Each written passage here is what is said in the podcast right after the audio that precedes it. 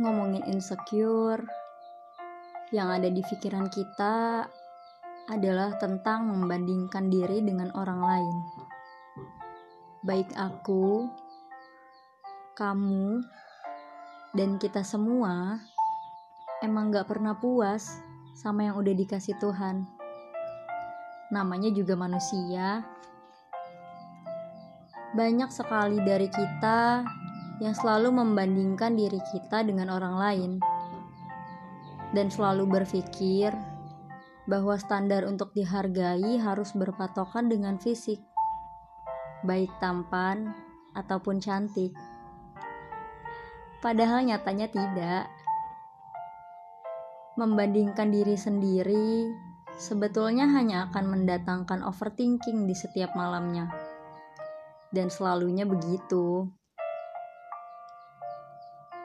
Kita selalu berpikir, bagaimana caranya menjadi seperti dia.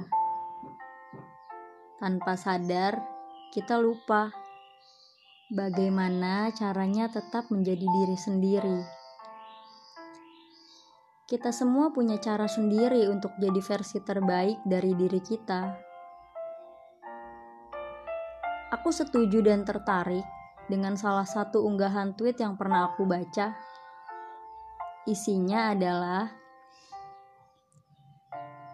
kamu gak perlu harus jadi sempurna untuk dicintai. Gak perlu jadi serba terbaik untuk disayangi dengan tulus. Gak wajib jadi yang terhebat untuk bisa diterima. Kamu berharga apa adanya. Kalau saat ini kedengarannya sulit dipercaya, gak apa-apa kamu tetap berharga. Dari unggahan itu menyadarkan kita bahwa setiap orang punya value-nya masing-masing.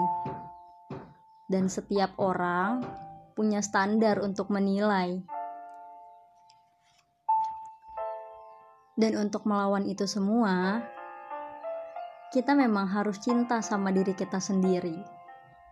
Kita harus bersyukur kita harus menerima segala kekurangan yang ada pada diri kita.